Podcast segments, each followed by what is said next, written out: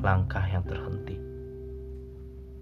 Dari hari-hari sulit yang telah kau lewati sendiri, mendekap sepi dengan segala ancaman yang kau hadapi, hingga tak kau sadari langkahmu terhenti di sini. Ketika masalahmu begitu berat, dan ingat, kehancuran ini bukan akhir dari kehidupan.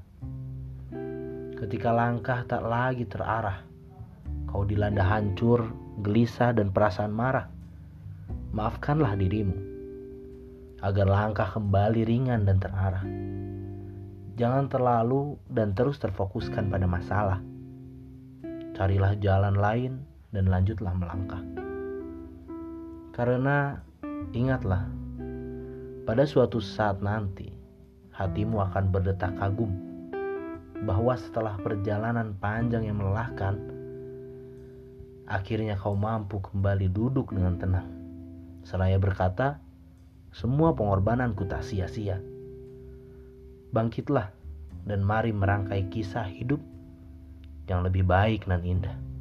Rintik Pilu